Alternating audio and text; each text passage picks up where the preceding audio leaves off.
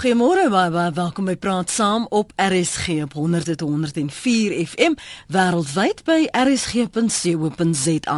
My naam is Lenet Fransis.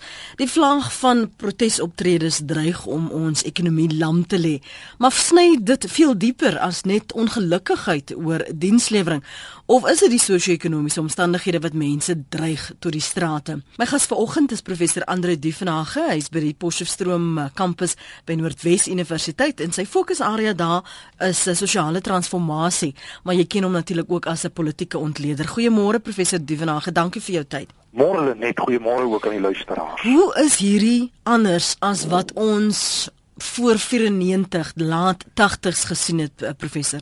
Net weet jy daar is bepaalde ooreenkomste, daar's uiteraard ook verskille, maar as ons net vinnig kan kyk die geskiedenis van die tipe plaaslike opstande kom 'n lang pad. Ons kan dit gaan haal by Sharpeville, ons kan dit gaan haal by Soweto in die 80er jare se noodtoestande wat natuurlik gerig was teen die apartheidsbedeling. Mm. En kort na 94 het hierdie tendens heelwat afgeplat om weer hier rondom 99 by Diepkloof sy kop uit te steek. En sedertdien het die grafiek bykans eksponensieel toegeneem tot die mate dat die Suid-Afrikaanse Instituut vir Rasseaangeleenthede praat van 'n styging in hierdie tipe diensleweringproteste van 710% tussen 2004 en 2013. Nou as ek net vinnig so 'n paar jare se syfers gaan noem, 2004 was daar 10 insidente, 200905, 2010 111, 2012 173. En op die oomblik hier in die aanloop tot die verkiesing sien ons ook geweldige sterk tendense van politieke onstabiliteit. Ons het dit gesien nou in Bronkhorstspruit, mm, mm. Bekkersdal, Mayakaneng, Brits, Koster, Hebron en ook in Sebokeng. En dit is natuurlik baie interessant dat in Soweto alleen, ag Soweto in Gauteng alleen oor die laaste 3 maande was daar 569 diensleweringsproteste waarvan 120 gewelddadig was. Daar's ook reeds 9 mense gedood. So in 'n sin sien ons dat die tendens vanuit die apartheidstyd kom, maar hom bly kontinueer in die nuwe bedeling. En as jy na die oorsake daarvan gaan kyk, is dit uiteraard redelik kompleks. Laat ons dan daar stil staan want 'n mens sou aanneem met 'n uh, demokratiese oorgang wat ons dikwels na verwys dat dinge vir mense verbeter het. Want ons praat ook hier van 'n uh, groep mense wat nie noodwendig deel was van daardie 80er jare, laat 80s, vroeg 90s optogte nie.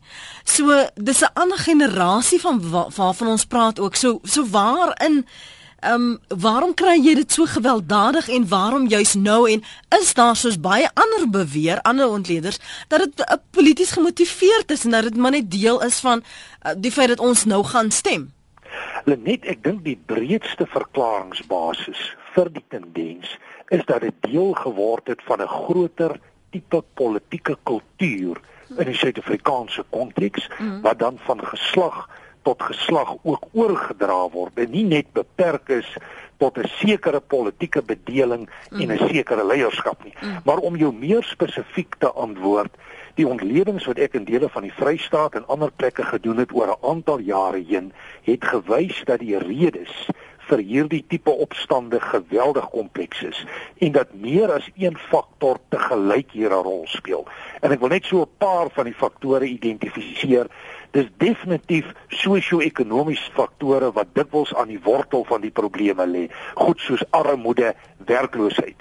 Ek het daar in 'n Vrystaat gemeenskap 'n werkloosheidsyfer gesien. Dit was in 'n gebied naby die Lesotho grens waar dit omtrent 80 tot 90% werkloosheid was.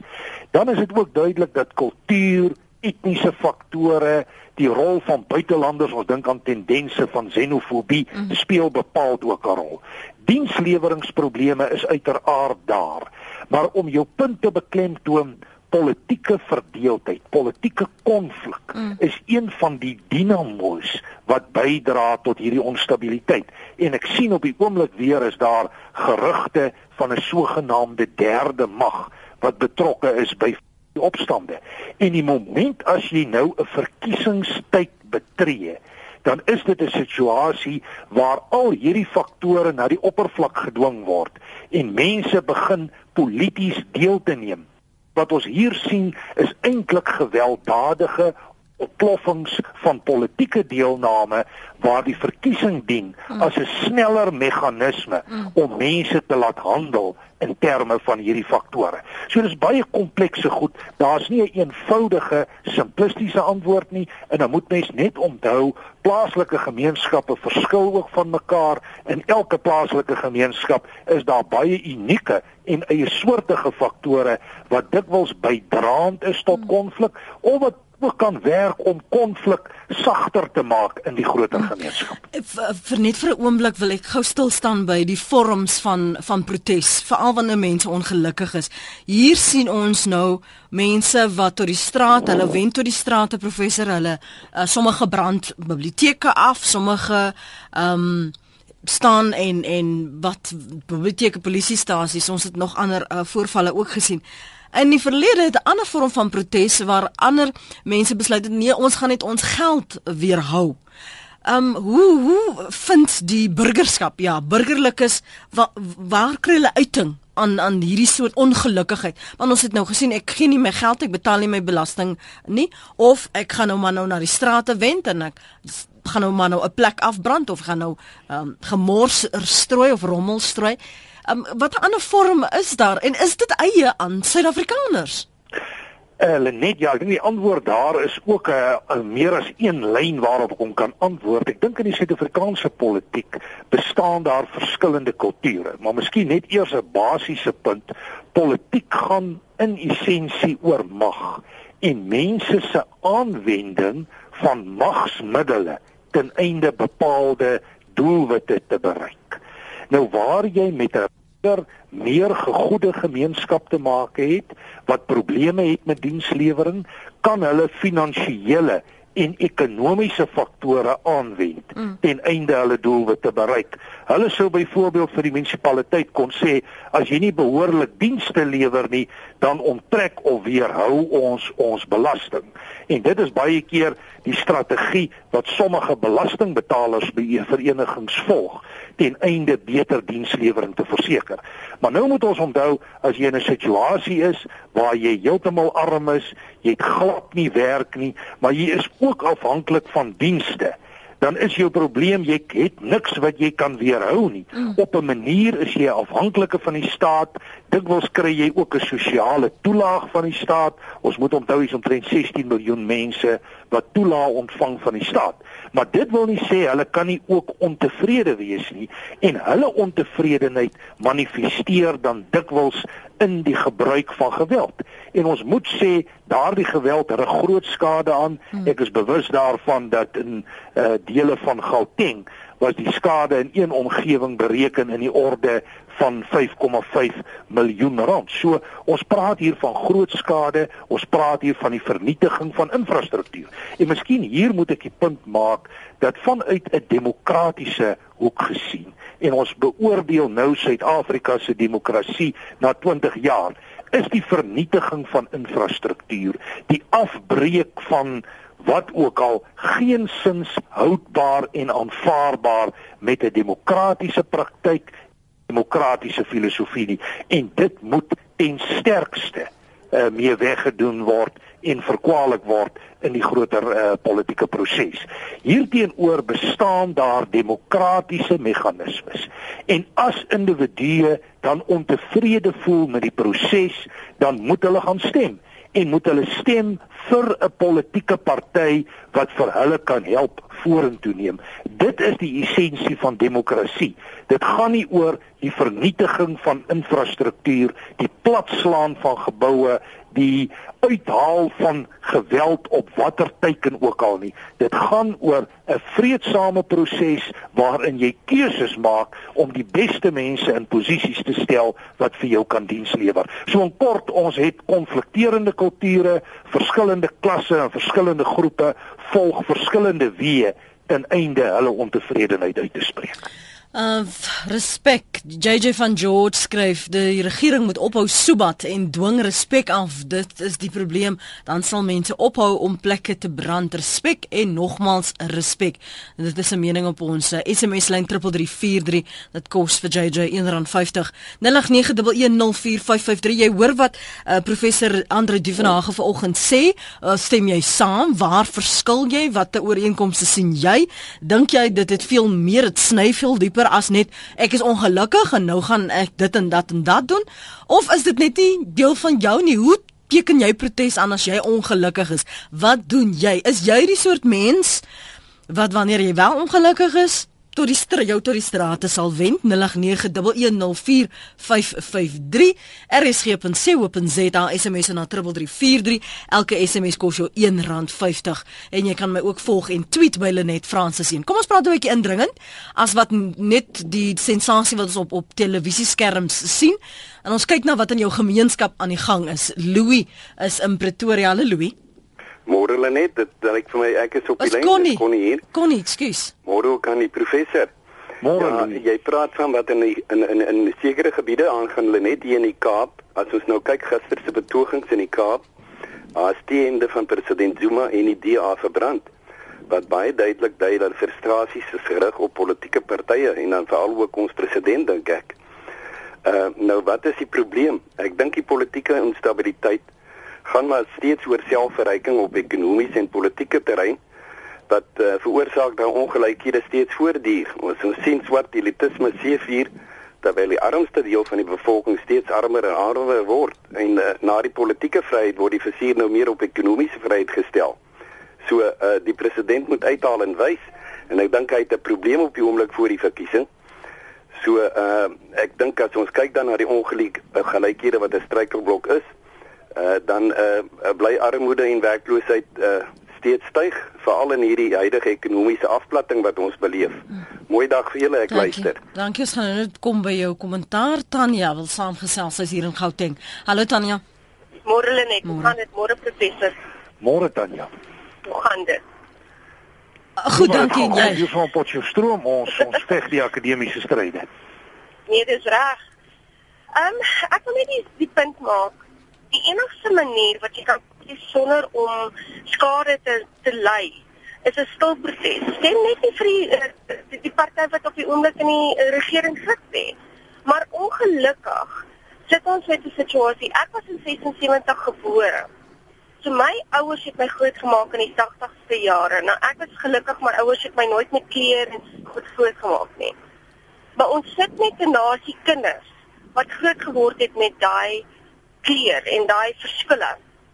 En hulle gaan nog steeds strate toe gaan want hulle is maar ouderdom, hulle is so jonk soos ek. En hulle voel dat die manier waarop hulle ouers beklei presies dieselfde manier is waarop hulle alles gaan regkry.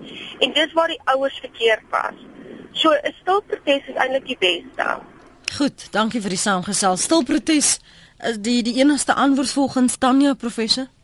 Wel, ek dink ons het vinnig net terugkom op wat Louis gesê het. Ek dink Louis het 'n paar baie belangrike dinge gesê onder meer dat ons sit hier met 'n geweldige gaping tussen ryk en arm mm. en uh, daardie gaping is nie aan die verklein nie. Ons sit met geweldige korrupsie wat sekere elites bevoordeel en ons sit met 'n gevoel van wrevel teenoor politieke partye. Daar's verwys na verskillende partye. Inderdaad is dit die geval en ek dink daar is nie maklike en vinnige oplossings vir dit wat hy aangedui het daar nie. Ek dink die groot uitdagings van die land en die president gaan dit nou in sy rede ook na alle waarskynlikheid aanspreek is goed soos werkloosheid die hele kwessie van werkskepping as 'n teenvoeter vir werkloosheid en spesifiek hoe dit die jeug gaan raak sosiale sekerheid grondhervorming en landelike ontwikkeling onderwys gesondheid al daardie mm. tipe sake Tanya se stelling dat ons met stil protes moet werk is eintlik maar wat ek probeer sê het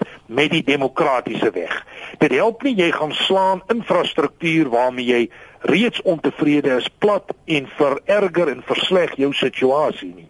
Die manier om die ding te hanteer is via bestaande demokratiese prosesse. En ek dink dit is waarna sy verwys as die stilprotes en dis ook die wyse wat ek wil aanbeveel vir almal in Suid-Afrika. Dit is tog in essensie waaroor demokrasie gaan en dit is waarom die 2014 verkiesing so 'n geweldige belangrike verkiesing is. My gevoel is dit gaan Suid-Afrika op 'n bepaalde traject plaas en dit gaan Suid-Afrika voor die uitdaging stel van wat die regering graag noem sosiale en ekonomiese transformasie. En dit is baie belangrik dat Suid-Afrikaners in die algemeen deelneem aan die prosesse van die politiek. En ek moet sê 'n tendens wat my geweldig bekommer is die hoë vlakke van politieke apatie in Suid-Afrika.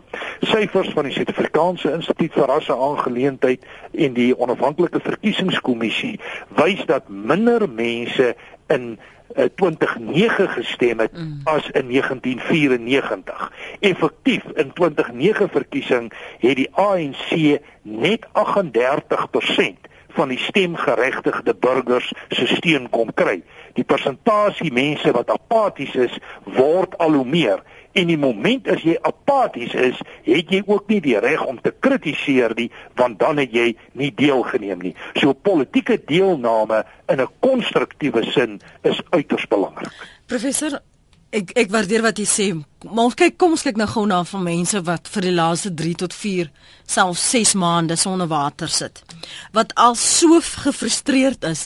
Hulle wil net niks maar niks te doen hê met 'n munisipaliteit of 'n politieke party of enige iemand wat selfs hulle beloftes kom maak van as jy dan gaan stem, gaan dit verander nie. So nou hoe redeneer jy met so 'n persoon? Hulle wil net niks meer hoorie want ek het nie water in my kraan nie, ek kan nie my skottelgoed was nie, ek kan nie my baba voed nie, ek kan nie kos maak nie hoe hoe is dit die politieke opsie dan die antwoord vir daardie frustrasie? Lenet, eh, jy's heeltemal reg. Dit is die aard van die probleem. Ons het dit nou gesien in die Britse omgewing waar daar vir maande nie water was nie. Ook in die meer gegoede dele van Bloemfontein was daar onlangs nie water nie. Ek is bewus van groot watertekorte in die Vrystaat en so meer. So ek moet duidelik vir jou sê die demokratiese weg is 'n manier wat jy kan neem tot by 'n sekere punt. Maar as jy nie verder kan gaan nie, dan moet jy ander maniere identifiseer om die proses vorentoe te neem. Mm -hmm. Ek sou dink jy kan beweeg na openbare protes toe. Maar vir my is daar 'n verskil tussen openbare protes en die gebruik van politieke geweld waar jy eintlik dit wat vir jou 'n probleem is verder help vernietig mm. en in die afgrond mm. intrek. Mm. Mm. Dit gaan ons nie vorentoe neem nie. Ek dink daar is maniere om sake te hanteer. Een lyn sou byvoorbeeld wees om regsprosesse te begin. 'n Ander manier sou gewoon wees om politieke druk uit te oefen, soos wat ons hier in Klokwy Potchefstroom gesien het, waar daar redelik suksesvol gewerk is om van bepaalde ANC leierskap wat as onbekwaam geag is, ontslae te raak. In daai sin dink ek is daar maniere, maar om die punt te bereik waar jy in 'n revolusionêre modus daardie infrastruktuur wat so belangrik is tot nik maak ek sien daarin geen antwoord nie Jy kan saamgesels 25 minute oor 8 dis praat saam op RSG vanoggend met professor Andre Duvenage. Hy is by die Potchefstroom kampus by Noordwes Universiteit. Sy fokusarea is sosiale transformasie. Ons praat vanoggend na aanleiding van hierdie vlaag van protesoptredes wat ons nog gesien het. En hy sê nou sopas, openbare proteste is dalk 'n manier vir ander om hulle frustrasies uit te leef en, en te sê hoe hulle voel teenoor politieke geweld en dis wat ons die laaste ruk gesien het. Die aard van hierdie geweld wat tot al hierdie sterftes tot dusver gelei het. 089 1104553. Wat is die alternatiewe dan? Uh, hoe diep sny hierdie ongelukkigheid? Wat doen jy in jou gemeenskap? Wat sien jy daar gebeur? Watter ander wyse is uh, is daar om 'n protes aan te teken wat jy sien effektief is al dan nie? 089 1104553 rsg.co.za SMS na 3343. Uh, elke SMS is R1.50 as jy jy dit uh, stuur na ons toe en dan kan jy ook 'n dreig maak op ons webblad of vir my volg en tweet by Lenet Francis 1. Uh, Abel, Lawrence en Elroy, ek sien julle tweets, ons gaan nou net daarby uitkom. Kom ons neem elke die volgende 3 oproepe, die een na die ander, sodat ons 'n uh, oorsig kan kry van wat ons luisteraars dink en voel. Anne Marie, ons begin by jou. Hallo. Ja. Nee, dis Stefan wat praat. Stefan. Stefan, weet jy ja. dit lyk vir my ons het 'n probleem met lyn 2. Um want jy kom deur maar ons het al reeds iemand wat op daai lyn is. So laat ek net gehoor waar as Anne Marie is dan nie op jou nie. So ek gaan eers vir jou laat gaan. Vergewe my daarvoor. Kom ons kyk vir Louis nou. Louis? Louis. Uh goeiemôre Lenet en uh, professor en die luisteraars. Ek wil vir julle sê daar's baie goeie nuus. Jy weet die die konstitusie van die land bepaal saam met die nuwe munisipale uh, regulasies dat die gemeenskap eienaarskap moet neem in elke gemeenskap. So van elke wijk vlak af moet die gemeenskap betrokke raak by die dienslewering van 'n munisipaliteit. En volgens die wetgewing en die handboek wat ons nou beskikbaar het, is dat die gemeenskappe eienaarskap neem om op die vorentoe gaan sit hoe word die finansies bestuur die projekte van die stadsraad watse projekte elke 3 maande met die die uh, integrated development plan dis jou IDP word daar bepaal elke 3 maande wat word in daai wijk gedoen. So die deelname van die uh, gemeenskap beteken daar's werkskepping ook vir hulle om deel te neem aan dienslewering en daarom is daar nie 'n politieke uit, uitweg nie maar dit is 'n deelname van die gemeenskap wat eienaarskap kan ontvang deur hulle deelname opgelei word uh en die beginsel is public partnerships. Uh ongelukkig maak die stadsraad dit nie bekend aan die gemeenskap nie en daarom is daar 'n weerhouding van inligting. Mm. So ons kan die mense help met werkskepping, met dienslewering waar as hulle eienaarskap van hulle gemeenskap vat, dan gaan hulle outomaties self die diens lewer wat hulle voor verlang en hulle word betaal daarvoor. Louise sê gou vir my, is, is dit uh, spesifiek as ek nou byvoorbeeld nou wil gaan aanspraak maak en ek sê maar volgens artikel sis en sis en so van die munisipale ja. wet, watter een is dit waarop ek aanspraak maak en sê ek wil deel wees van hierdie proses of jy nou hou van my of nie? Dit is wat hierdie uh, wetgewing sê, dis waarop ek staan.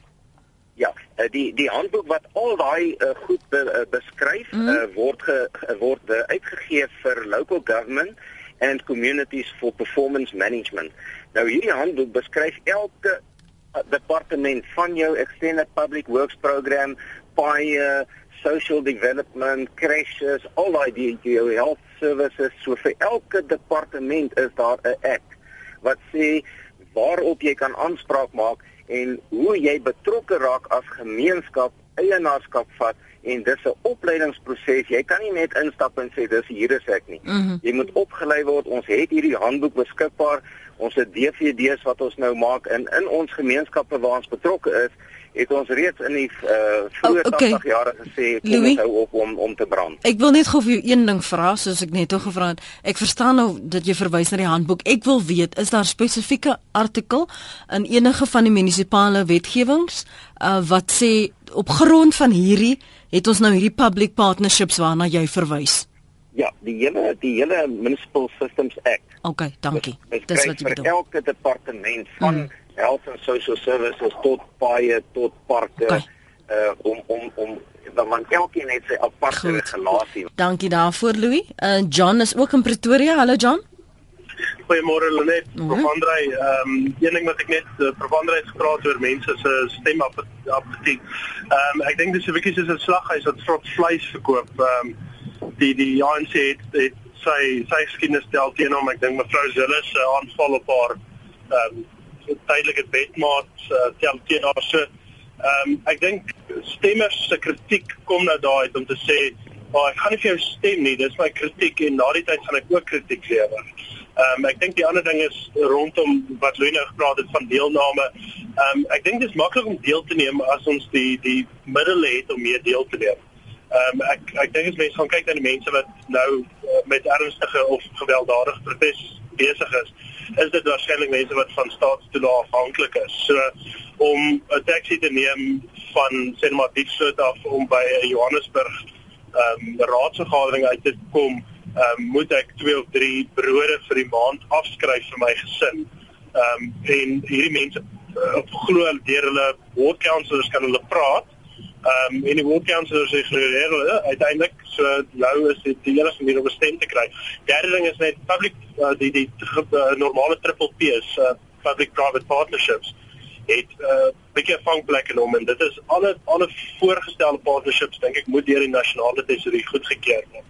Ehm um, so dit weer eens so, dis dis daar's geen maklike oplossing in die verband. Nou John dan dan hoe moet jy hierdie ongelukkigheid van jou hoe gee jy 'n stem daaraan? In in my geval stem ek, maar in my geval het ek ook maniere om te kla.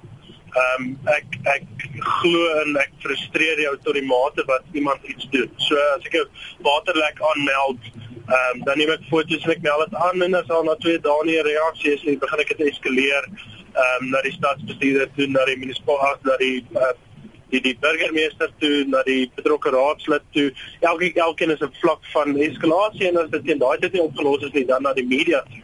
Maar weer eens, ek het toegang tot 'n tot 'n foon wat foto's kan neem. Ek het toegang tot ehm um, ligtyd om te kan bel om te hoor mm. wat is die e-posadresse van die betrokke persone. Mm. So ek het 'n stem omdat ek die ekonomiese mm. middele het om daai stem te bewerkstellig. Ehm um, sou ek dit nie gehad het nie, ehm um, uh, dan dan weet ek nie wat sal mense verder doen nie. Ehm um, die die die jy nou altyd die argument hy sê as, as jy nie township bly, gaan jy weer in middelklas kan kom. En sê ouens altyd ja, dan sê, "Maar hoekom kan jy nie in die superryk klas kom nie want jy's reeds in die middelklas? Gaan jy dit nie kan regkry nie?" Ek dink dis dis wat gebeur. Mense is so vasgevang in daai township um, omstandighede. Mense om jou wat negatief is, ehm um, alles loop net vir jou verkeerd. Ehm um, jy's daar's 'n deel waarin jy 'n rol speel, veral as jy dan 'n gebou gaan afbrand ehm um, dan moet geld gespandeer word om daai gebou op te rig voordat die geld weer gespandeer kan word met 'n kraan tot by jou huis. Maar uh, dis dis dis dis so 'n bietjie van 'n twee kante van 'n saak. Ehm um, een is jy's vasgevang in die omstandighede en die tweede deel is dalk soos Louw gesê het, jy dra by daartoe. Jy lewer nie regtig konstruktief 'n bydrae anders as deur politiek. Mm. Um, om om jou eie omstandighede en die vir jou kinders te verbeter nie. Dankie vir die saamgesels. Interessante menings John daar in Pretoria en Louis ook in Pretoria. En en rond die punt wat John hier maak, professor is wanneer jy dan nou ek gaan dit nou maar in aanhalingstekens plaas ekonomies bemagtig is, gee dit vir jou opsies. As jy geletterd is, gee dit vir jou opsies om goed ek is nou nie iemand wat dit wil doen nie. Ek brand nou nie en ek sit nou nie ehm um, bande in die pad aan die aan die in die brand nie. So ek gaan 'n e-pos skryf of ek gaan 'n foto neem en ek gaan nou klaar en klaar en klaar totdat hulle my as 'n las ehm um, bestempel. Dis verskillende maniere van uiting. Ek dink as ons kyk na byvoorbeeld die tyd waarin ons lewe, die inligtingomgewing. Mm. Jy kan met inligtingstegnologie 'n geweldige klomp dinge bereik. Jy kan goed op uh, die sosiale media plaas en aangaan. Dit is ongetwyfeld 'n magsbasis wat al hoe sterker word.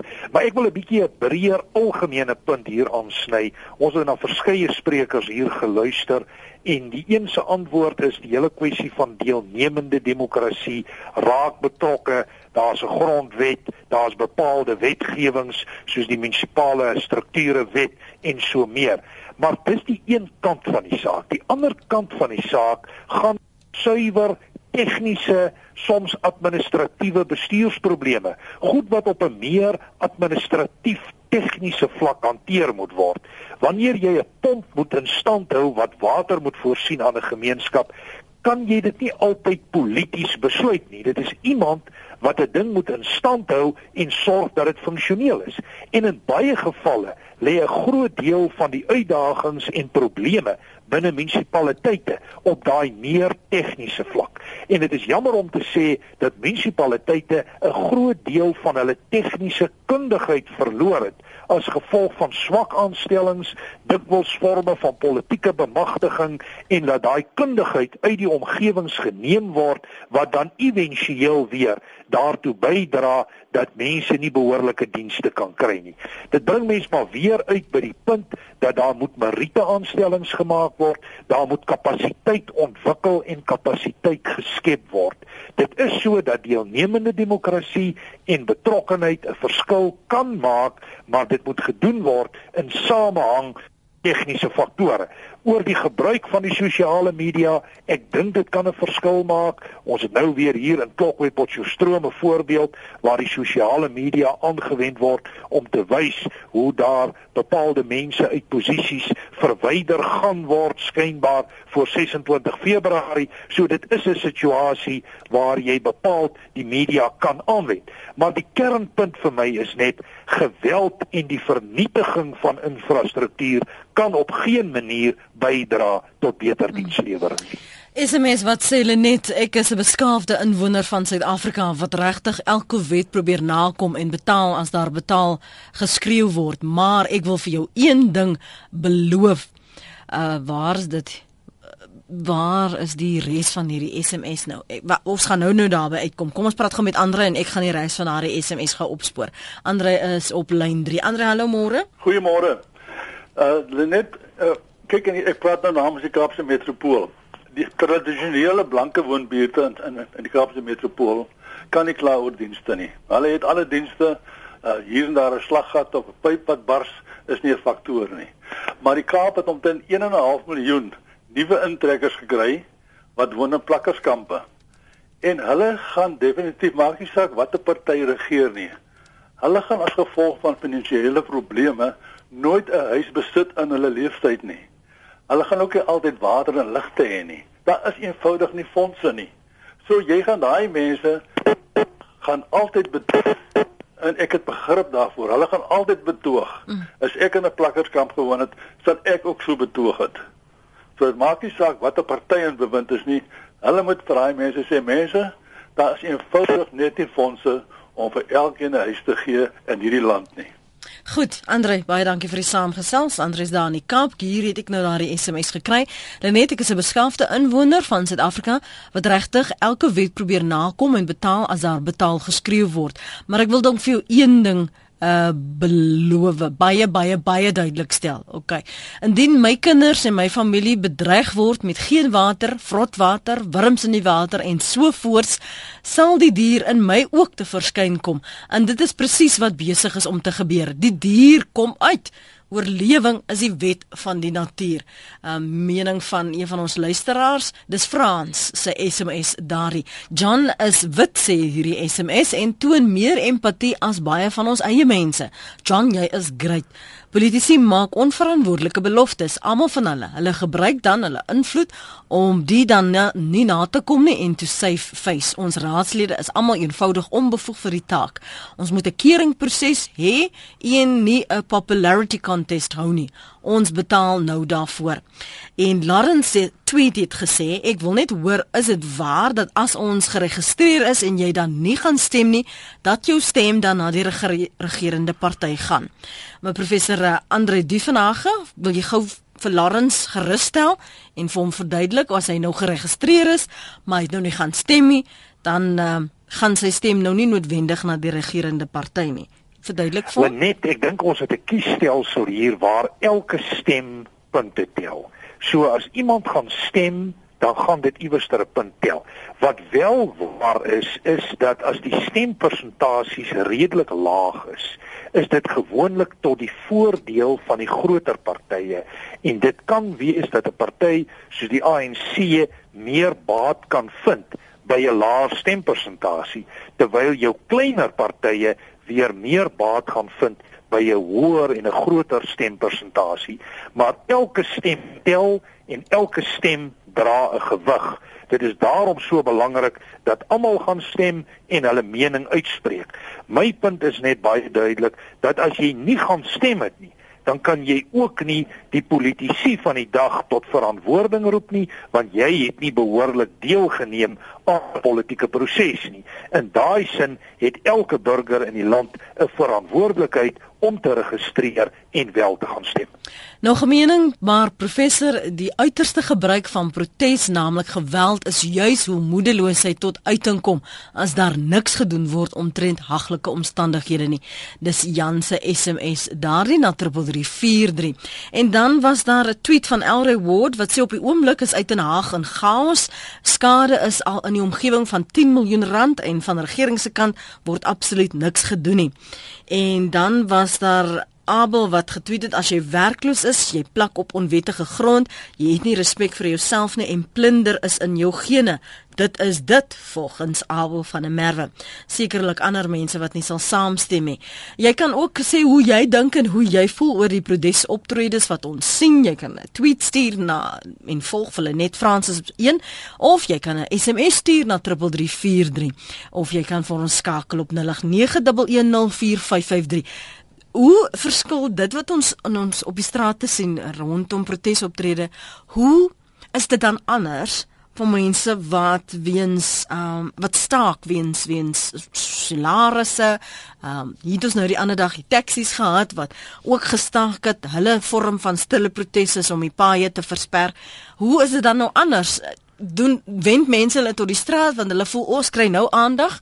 Dit is wat werk. Dis die manier om ons van onsself te laat hoor net natuurlik het mense verskillende belange en jy volg verskillende strategieë om daardie belange te hanteer.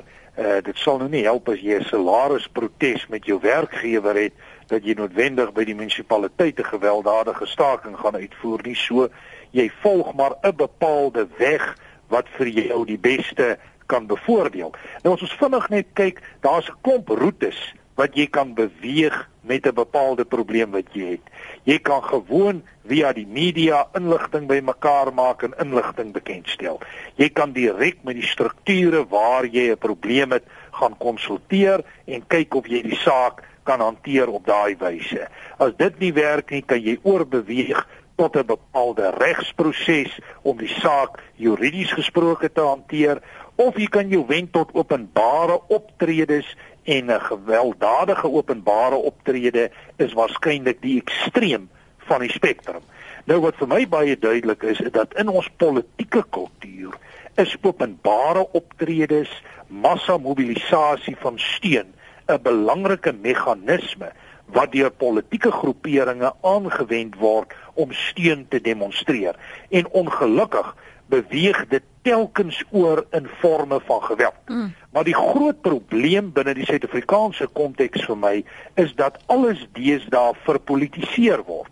Byvoorbeeld as jy 'n vakbond het wat moet kyk na die belange van werkers en werknemers, dan is hy dikwels so verpolitiseer dat hy verbind is tot 'n bepaalde politieke strategie. En dit is een van die groot probleme van Kossatu in sy verhouding met die regering. In daai sin sit jy in 'n situasie waar alles polities word, waar alles om 'n proteskant te te ontwikkel en dan ook oor te skakel in geweld. En ek is bevrees dit is 'n situasie wat ons moet regstel. Ons moet onderskei tussen wat is openbare politieke protes en wat is gewoon burgerlike protes oor gewoon burgerlike tipe sake wat in die burgerlike gemeenskap betrekking het. Maar op hierdie stadium is die onderskeid tussen burgerlike samelewing en jou politieke omgewing glad nie duidelik nie en oorvleuel dit geweldig sterk. Ek wil gou vir u terugneem na die insident toe Andrius Tetane geskiet is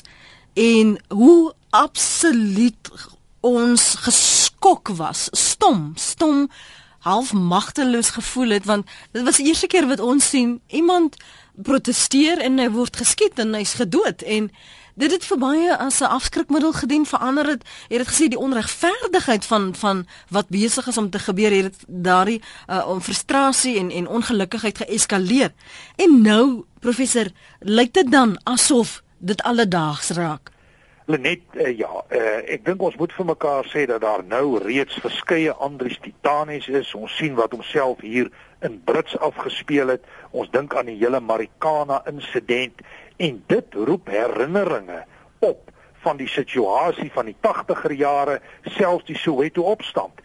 En baie van die burgers op die voetsoolvlak vra die vraag, ons het nou die stryd gevoer teen apartheid Ons het die stryd gevoer teen die onderdrukking van die sekurokrate en nou sien ons dat presies dieselfde weer aan die gebeur is.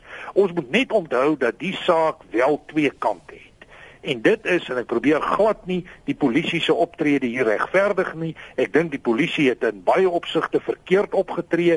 Die polisie is nie behoorlik opgelei in die bestuur van onluste situasies nie. Hulle weet werklik nie hoe om dit altyd te hanteer nie. Maar die burgery is dikwels ook skuldig daaraan dat hulle wapens aanwend dat hulle die lewens van polisie in gevaar stel, dat hulle in sommige gevalle ook polisielede doodgemaak het, soos die aanloop tot die Marikana insident.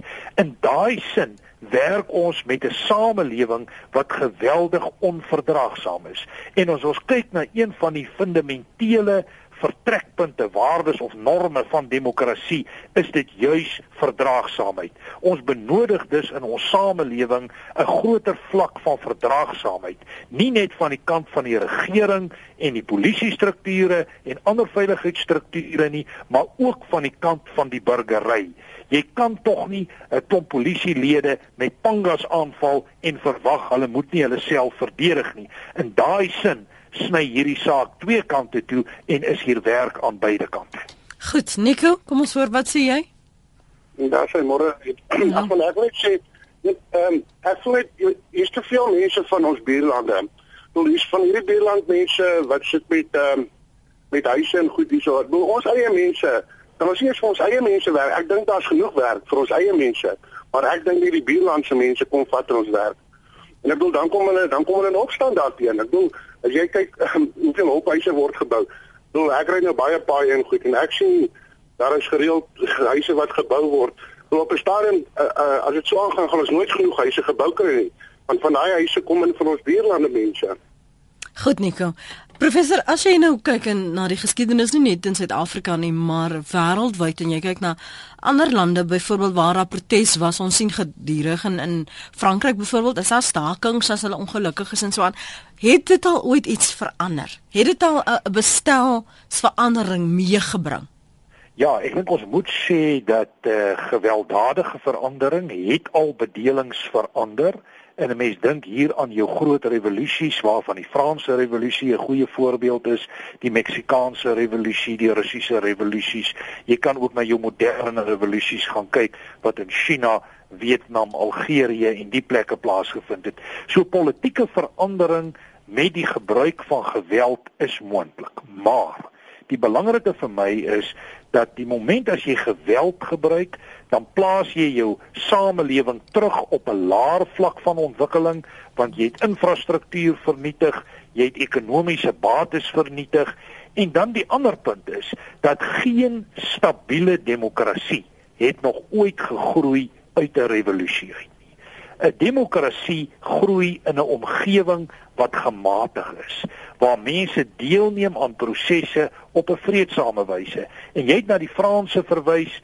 Die Franse is 'n baie emosionele groep, maar die mate van geweld wat daar aanwesig is, is glad nie vergelykbaar met dit wat ons hier sien in die omgewings vir al die laaste paar maande in die opbou tot die verkiesing nie. So ek dink Frankryk het homself gevestig as 'n demokrasie waar proteste aan die orde is, maar dit in meeste gevalle nie gewelddadig is nie of waar die minimum geweld aanwesig is. In die Suid-Afrikaanse konteks is dit ongelukkig baie anders en ek sien van die berigte in die media praat so ver van 'n land wat brand die polisie kan nie meer by al die punte uitkom nie. In die sin sit ons met 'n baie ernstige probleem wat ek dink strategies gesproke baie groot risiko's vir ons inhou en ons moet hierdie kultuur van geweld probeer aan bande lê en eerder probeer bou. Hoe hoe hoe verander jy dit? Hoe verander jy dit as dit vir mense, vir sommige mense voel dis die enigste antwoord en uitweg wat ek het? Lenet die enigste manier om dit werklik te verander is deur onderrigstelsels en deur instellings soos kerke en so meer betrokke te kry wat 'n bepaalde waardesisteem kan vestig. Een van die groot uitdagings waarvoor ons tans staan in die Suid-Afrikaanse politiek op letterlik alle vlakke is die vestiging van 'n waardestelsel en 'n kultuur wat ons demokrasie kan dra en ons demokrasie kan vorentoe neem. En ons moet probeer uitbeweeg uit die kultuur van geweld en ek dink dit lê by opvoeding en opvoeding en opvoeding en hier het jou onderwysinstellings 'n geweldige belangrike en selfs deurslaggewende rol maar ek wil verder gaan en sê ek dink politieke partye het hier ook 'n besondere rol om te vervul en miskien moet mens weer kyk en ek praat hier sommer as 'n politieke mm. wetenskaplike mm. na die ou burgerleer staatsleer tipe kursusse waar jy vir mense vertel van hoe lyk jou politieke omgewing wat is die belangrike waardes en hoe kan jy in 'n politieke omgewing suksesvol funksioneer sonder dat jy geweld moet gebruik en misbruik Ek sit nou net en dink hoe ons hoe ons hierdie bewustheid kan verskerp rondom uh, jou jou stem by 'n uh, kiesafdeling by ehm um, hoe daai stem letterlik jou stem word wat namens jou gaan praat van wat jy verlang, van wat jy wil hê, van wat jou drome is, van hoe jy jou wêreld wil inkleer. In inning sal 'n mens daarna verwys as your vote is your voice, maar hierdie stem is letterlik jou stem en dis hoekom ons dit moet gebruik. Ons het nie 'n keuse nie. Net sonder twyfel, hier is 'n groot geleentheid vir die burgers van Suid-Afrika en daar word bereken dat hier omtrent so wat 7 miljoen mense losdryf wat dalk nie gaan stem in die komende verkiesing nie. En as daardie 7 miljoen betrokke kan raak by politieke prosesse, dan kan dit 'n baie groot verskil in die toekoms van die land plaas. Ek is oortuig daarvan dat die geleentheid wat ons hier het in 2014 gaan die toekoms van Suid-Afrika vir ten minste die volgende dekade bepaal en daarom is die verantwoordelikheid so groot mm -hmm. om hier in die eerste plek 'n keuse te gaan doen en in die tweede plek die regte keuse te maak wat jou belange kan voorneem vorentoe neem en nie net jou belang nie maar ook die belang van die breë gemeenskap en samelewing kan help bevorder. Professor, ek ons gaan hopelik voor die 7de Mei gaan ons hopelik weer gesels en uh, ander dinge in oënskou neem. Baie dankie vir u beskikbaarheid vanoggend en deelname aan Praat Saam. Mooi bly. Baie dankie Lenet. Dis professor Andre Dievenage, hy is by die Potchefstroom kampus by Noordwes Universiteit. Sy fokusarea is uh, sosiale transformasie en vir oor die laaste 2-3 jaar het hy begin studies doen en navorsing hou en rekord hou van hierdie protesoptogte en dis hoekom hy so kan verwys na die eskalasie. Jy kan verwys na die tydvakke 710% sedert 2004 tot 2013. Dankie vir die saamgesels, julle insigte wat julle gedeel het op ons uh, verskeie kanale. Dankie daarvoor. Jy kan weer die pot gooi aflaai by rsg.co.za. Môreoggend kan nie meer wag vir môreoggend nie. Ons gaan gesels oor lospryse en wanneer 'n mens en behoort jy te onderhandel oor gijslaers en wat is dit jou familielid is? Môreoggend 5 minute oor 8 praat saam